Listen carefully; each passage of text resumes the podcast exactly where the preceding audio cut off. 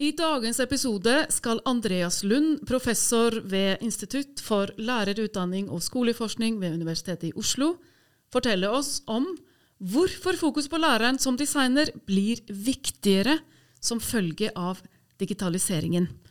Og vi skal se på hva han mener er viktigst når det gjelder å få størst utbytte av det digitale klasserommet. Ja, fordi vi har jo gjennom de siste seks episodene hatt fokus på at det er helt andre muligheter og andre aspekter ved læringsutbytte som teknologien tilbyr. Så for at vi lærere skal kunne designe gode undervisningsopplegg med digitale verktøy, må vi kunne vurdere hvordan teknologien kan brukes på god måte i vår undervisning. Og det er jo utviklet kriterier for fleksibel opplæring, slik Kompetanse Norge definerer dem. Og i fleksibel opplæring gis det valgmuligheter i læringssituasjoner, slik at vi alle kan lære på den måten som passer oss best, og som er tilpasset opplæringsbehov, livssituasjoner og individuelle læringsmål. Så Camilla, hva er fleksibel opplæring? Eh, Kompetanse Norge definerer fleksibel opplæring slik. Fleksibel opplæring setter en lærende i sentrum ved å tilby et pedagogisk opplegg med flere alternativer for hvordan læringsaktivitetene kan gjennomføres. Kriterier for fleksibilitet inkluderer tid, sted, omfang, progresjon, vurdering, formalisering, samhandling og innhold. Så med dette i mente skal vi kombinere to tankegods. Fleksibel opplæring og læreren som designer. Og vi skal gjennom dialog vurdere språkappen Kapisj på nytt, altså med daglig leder fra Kapisj, Marie Jacobsen Løvaas. Og vi skal snakke med Kristine Lund hos Norsk Kylling om hvordan de har tilpasset appen til sine opplæringsrutiner. Altså jobbet som designere, da. Yes. Jeg heter Camilla. Jeg heter Margaret. Og du lytter til Unmuta.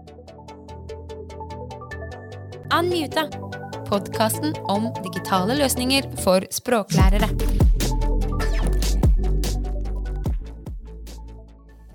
Hei, Andreas. Lærerens rolle i det utvidede klasserommet, ser du for deg at den er veldig endret eller annerledes?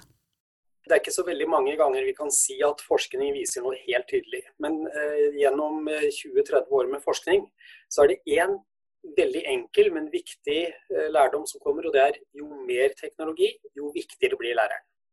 Viktigere og viktigere. Og alle forsøk på å tenke seg at lærere blir på en måte utkonkurrert av algoritmer og kunstig intelligens, det viser seg å være stikk motsatt. Fordi teknologiene har ikke bevissthet. De kan være intelligente, men de har ikke bevissthet. Så ja, det blir mye viktigere å være lærer, og det blir mye vanskeligere å være lærer. Fordi vi kommer til kunnskap på nye måter. Det er ikke en lærebok, det er ikke en autorisert lærer.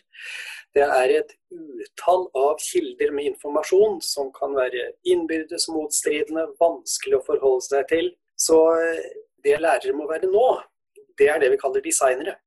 Det vil si, de må designe læringsomgivelser hvor skal dette foregå, med hvilke ressurser, hva skal vi ha tilgjengelig, hva har skolen kjøpt inn, hva finnes ellers, både gratis og hva kan jeg til og med lage. Så hvordan kommer vi til kunnskap når læringssituasjonen endres, og med hvilke aktiviteter? For nå kan vi jobbe individuelt, vi kan jobbe i små grupper, vi kan jobbe i kjempestore grupper. Uansett døgnets tider, hvis vi vil. Sånn at det å være lærer nå, det tenker jeg det er eh, jeg, har jo vært lærer selv, og jeg er veldig glad i den metaforen at vi, vi er litt kunstnere, da. Vi, vi, liker å designe. Altså, lærere er veldig glade når de har laget et godt undervisningsopplegg som ble godt mottatt i en klasse. For jeg tror jo at uh, klasserommet, det fysiske møtet, det vil eksistere. Men det blir bare så veldig utvidet. Så jeg tenker ja, lærere er ikke bare sånn uh, leverandører av en læreplan.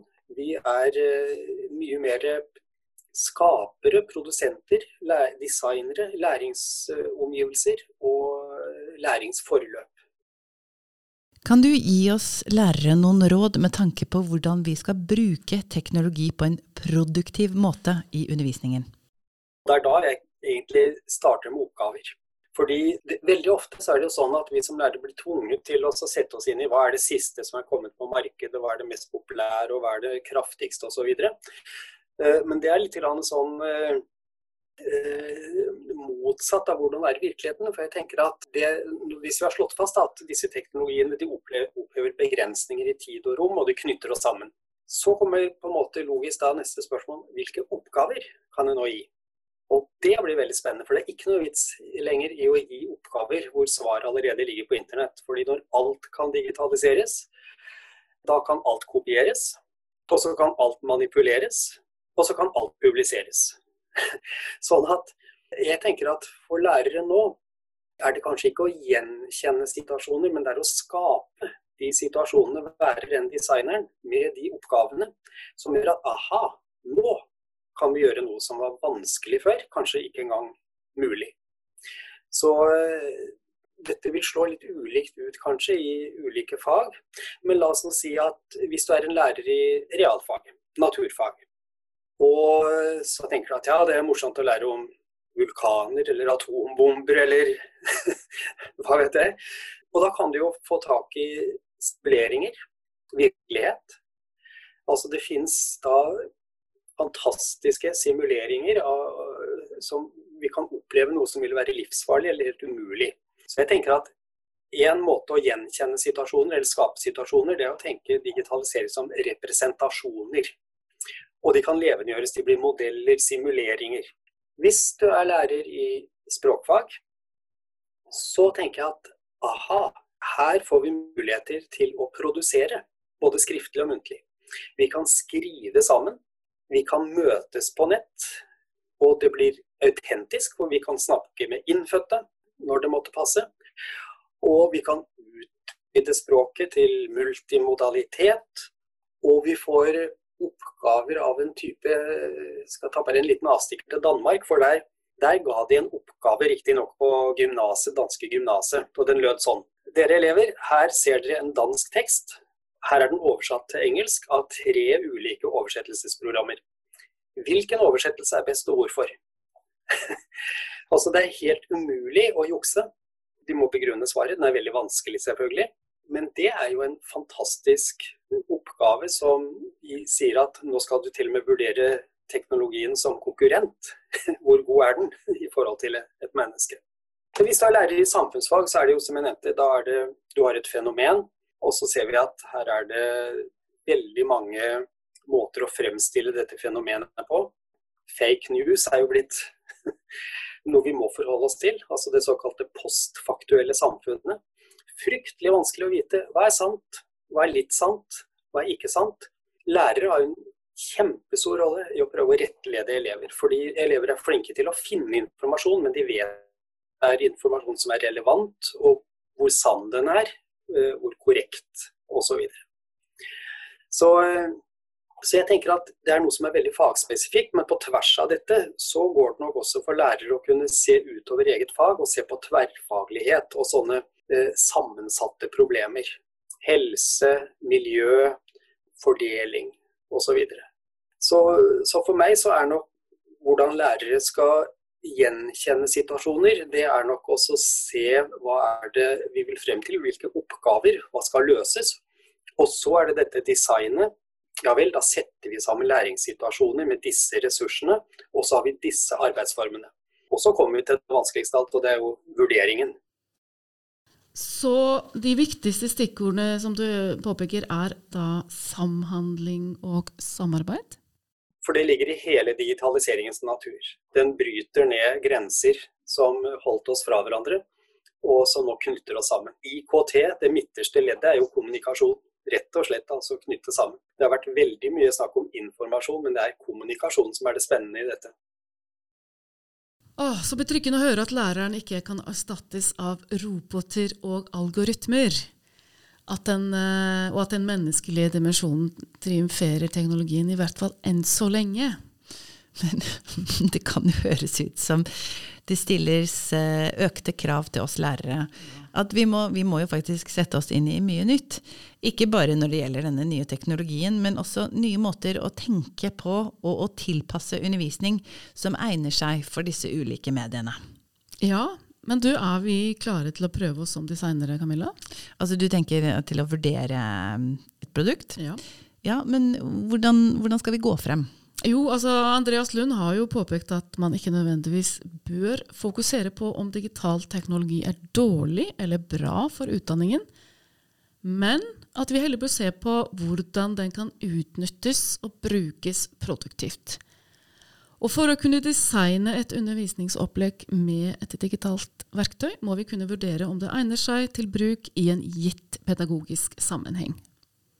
Ja, så nå skal vi snakke med daglig leder fra Kapisj. Og vi skal da prøve oss på å vurdere om Kapisj er egnet som et digitalt verktøy til å bruke i et undervisningsdesign i en bestemt læringssituasjon innen voksenopplæringen.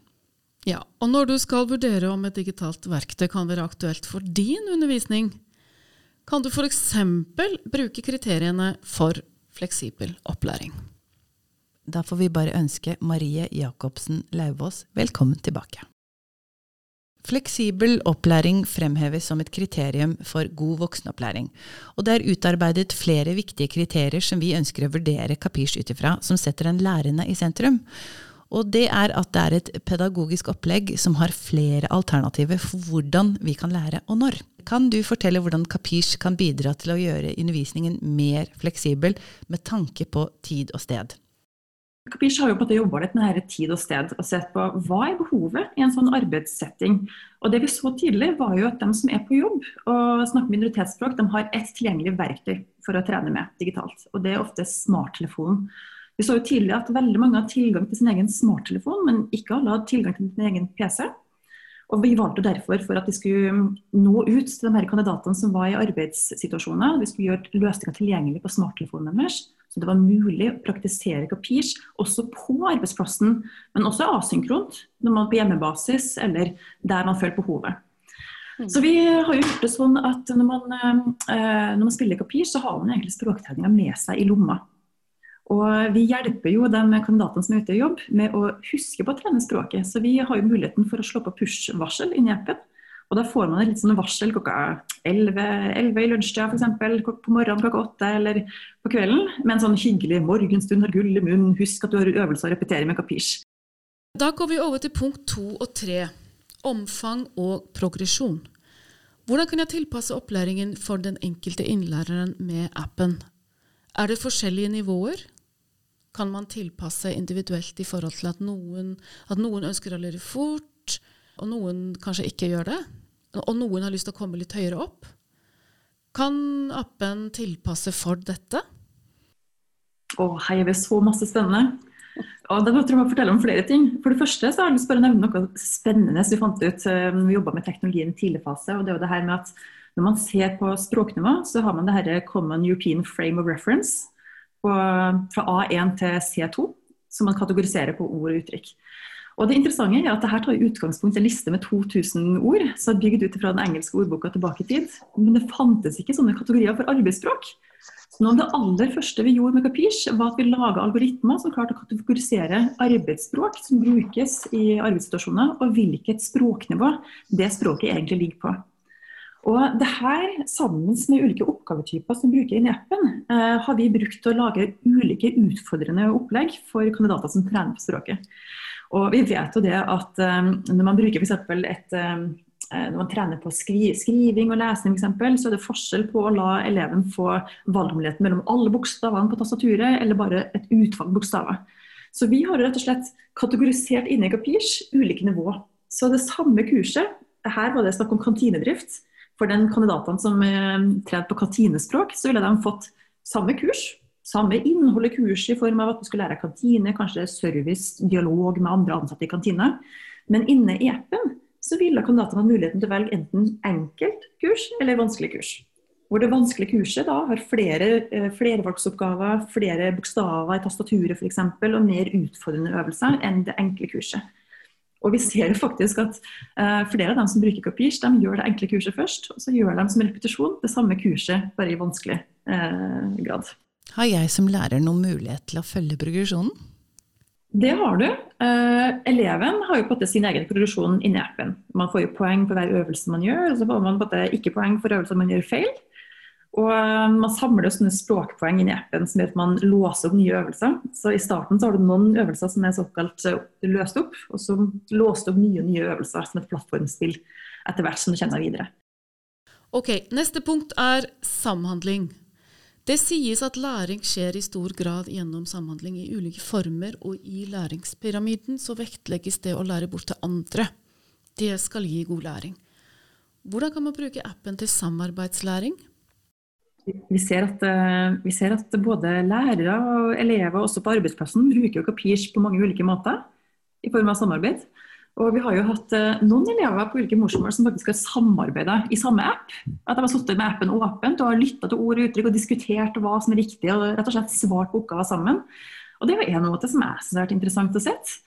Um, så har vi jo noen eh, lærere som har drevet kursing av ulike fag, og som har valgt å gi Kapir som måte å gjøre hjemmelekser på hvor man har fått muligheten til å trene på ord og faguttrykk før man kommer på skolen. Og så har man en sånn interaktiv klasseromsundervisning hvor læreren passer på at begrepene som elevene har trent på, er det som brukes og trekkes frem i undervisninga, slik at man får repetert i en reell kontekst det som har vært øvd på hjemmebasis. Men så synes jeg det er en artig sånn måte å gjøre, uh, gjøre interaksjon på også, noe vi ser også på arbeidsplassene, hvor arbeidsgiver, ofte innenfor scenario, ønsker å legge inn interaktive øvelser. F.eks. at man løser et scenario hvor man snakker med en person på jobb, og så gjemmer vi en liten sånn eh, som påskeegg inni der, da, som sier f.eks.: Å, eh, her har du eh, Takk for samtalen. Eh, si den setningen her til denne lederen din, f.eks., og få en overraskelse. Noen ting, små ting som motiverer for å faktisk ta læringa fra en språkapplikasjon ut i virkeligheten. Og det syns vi er kjempeartig. Og Siste punkt er innhold. Kan innlæreren eller læreren selv velge hvilken rekkefølge innholdet skal læres i? Det er jo sånn at um, En lærer i en, et klasserom kan jo velge ut fra det som er tilgjengelig i PIRS, hva slags type kurs ønsker vi å putte inn i klasserommet vårt. Så Vi har jo på en måte en slags meny over valgmuligheter av kurs som ligger ferdig i Kapirs, som man kan plukke og velge. Og Ofte så ser vi det at det kan være en klasse med ulike klasserom. Kanskje at det er noen i platearbeiderfaget, og så har vi noen i helse og omsorg, og noen skal lære seg andre ting. Og så kan man velge da, å gi forskjellige typer kurs.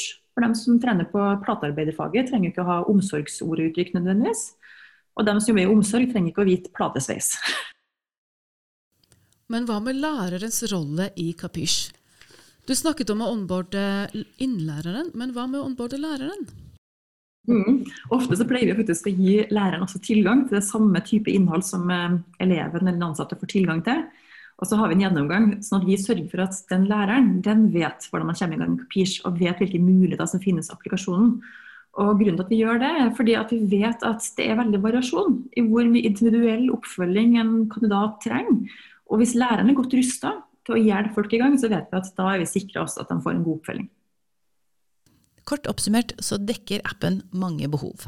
Men jeg tenker på også det, Camilla. Nå, nå har, vi, har vi liksom vurdert Synes du at det ga deg litt bedre oversikt over mulighetene du har av å bruke disse kriteriene? Hjalp det deg?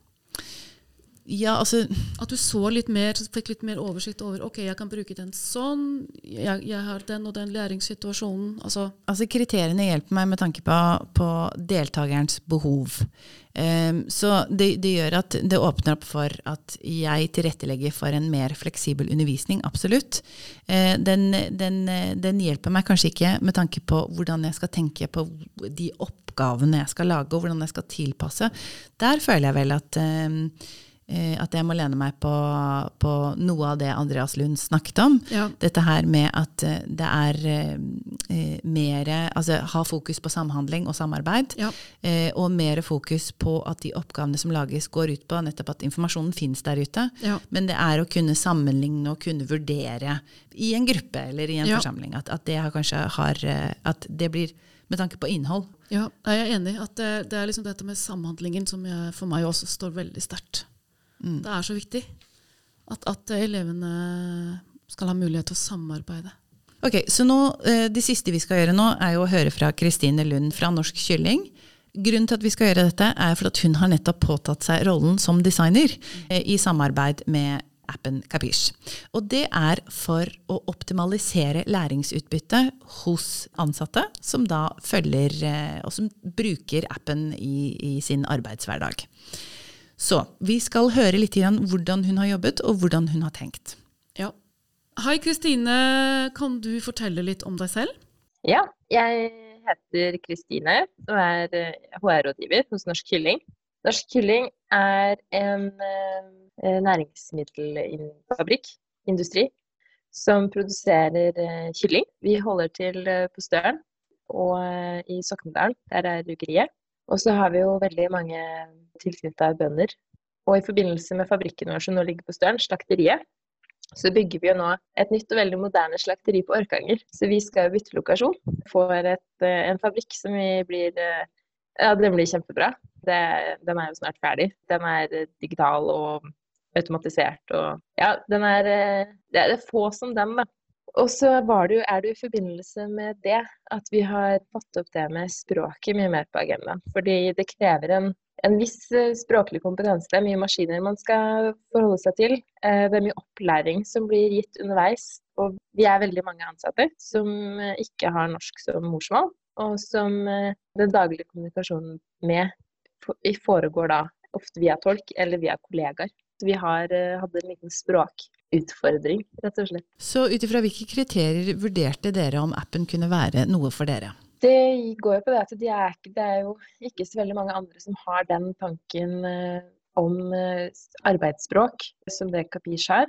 I tillegg så er det jo det at de går rett fra morsmål til norsk.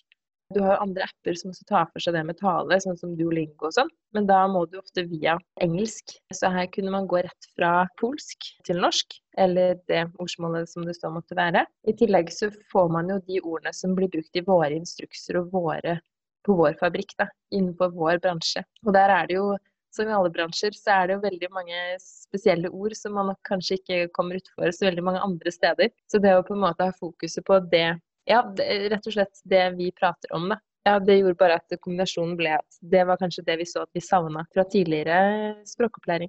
Og at, det er, eh, og at det er vekt på det med å prate. For de har jo den funksjonen i appen som går på det med scenariobygging. Som da er det at du rett og slett du kan øve deg på en samtale. Sånn at, og når den samtalen er laga med oss og Kapish, sånn at det er scenarioer som vi har på jobb. Så når du da kommer i den situasjonen sånn på ekte, så har du allerede muntlig øvd deg på sånn Å ja, men det her vet jeg jo. For det her har jeg gjort før. Så vi håper jo at, eh, og ser jo også at det, det nok gjør, det, gjør terskelen litt lavere da, for å faktisk liksom begynne å prate. Hvilke erfaringer har dere gjort med appen? At det kan jo gjøres, at språkopplæring kan gjøres eh, veldig enkelt og veldig gøy og veldig relevant. Vi ser jo det at vi er jo Ja, at den ja, altså hvordan skal man si det. Nå har vi, vi har jo ganske mye på tapeten som, som, organisasjon, så vi ser jo det at, eh, at, det er jo absolutt det at eh, hvis, eh, hvis man som bedrift vil mye, så, så ligger, er det ikke så veldig mye begrensninger i appen. Så det er mer opp til bedriften selv da, hvor mye tid og, og, ressurser man på en måte legger i det, og ikke minst hva man har fra før av. For hvis man har veldig mye skriftlig dokumentasjon på rutiner, på ja, altså alt sånt der, så, så, har du på en måte gjort jobben fra før. Eh, jo mer du har, jo bedre blir det. Og så er det jo klart at, eh, at det har vi også tatt eh, brukt eh, en god del av. Men så har du det, det scenarioet, da. Og da trenger vi jo tilbakemeldinger fra de som egentlig også da står i de situasjonene hvor man kan øve seg på språket. Så, så du må på en måte inkludere hele, hele organisasjonen, på en måte. Det er nok det beste. Så vi er jo flinke til å på en måte, eller ja, prøver å snakke om språk i alle de settingene som det på en måte både passer seg og bare er anledning til å gjøre det. Sånn at man får alle med. Hvis du kommer over en spesiell hendelse som du tenker at hm, det her kunne kanskje vært et godt scenario i Kapish, så ønsker jo jeg veldig gjerne å høre det. Så, og, det og, det begynner jo nå å funke, så nå begynner jo folk å spille inn scenarioer. Så det er jo kjempebra. Så der er det jo på en måte sånn at du kan jo utvikle innholdet i appen hele tiden underveis. Også uh, legge til, endre ord, og, og de er kjempeålreite å samarbeide med. Og de forstår jo også De setter seg også veldig godt inn, siden de på en måte kanskje jobber med privat næringsliv og arbeids, norsk arbeidsliv generelt. Så ser man jo også det at de har jo en sånn forståelse for, at, eh, for ja, hva som funker og ikke. Og de er jo gode på ja, egentlig gjøre, gjøre, det bedre enn vi hadde, mye bedre enn det vi hadde fått til selv. Vi hadde jo ikke hatt sjanse til, til, å gjøre noe lignende uten. Ja, altså interessant. Kristine Lund er jo ikke lærer, men hun har jo påtatt seg den pedagogiske rollen med å ha tett dialog med utvikler for å utvikle scenarioer som passer best for, for de ansatte og deres arbeidshverdag. Ja, hun har virkelig tatt designoppgaven på på, på, alvor. Ja, så uh, når det gjelder alle disse appene eller edtech-bedriftene som finnes der ute, og som tilbyr uh, digitale verktøy som kan brukes i undervisningen, så er vel kanskje det jeg tenker vi kan konkludere med, om det er Kahoot, eller om det er Duolingo, eller om det er Kapish, eller om det er Samtavla eller Padlet, eller hva det nå enn måtte være, er jo at det må jo oppstå en dialog mellom læreren og utvikleren. Ja. Det er veldig spennende, og det betyr jo at EdTech, altså at EdTech-bedriften da ikke legger premissen helt alene, men at læreren, skolen eller bedriften kan samarbeide om en god undervisningsdesign. Men igjen, for å få til dette, så må vi lærere bli gode på det å vurdere digitale verktøy. Og så I neste episode så skal vi jo gå videre på dette med nye krav til lærerrollen, som følge av digitalisering, men også som følge av økt, økt fokus på fleksibel opplæring. Vi skal snakke med en seniorrådgiver hos Kompetanse Norge. Og så skal dere møte en lærer som har vært med i gamet en stund. Og hun har møtt nye krav til lærerrollen med åpent og kreativt sinn. Ja, og I tillegg til å jobbe som lærer i norsk som andrespråk i voksenopplæringen, er hun også redaktør og forfatter. Og så har hun nylig startet sin egen YouTube-kanal. Ja, vi snakker om selveste Marie Aalen. Takk til Andreas Lund, Kristine Lund og Marie Jacobsen Lauvås. Takk, og på gjensyn. Podkasten lages av Lingu med midler fra Kompetanse Norge. Lingu er et norsk selskap som tilbyr språkopplæring og utvikler digitale læringsressurser.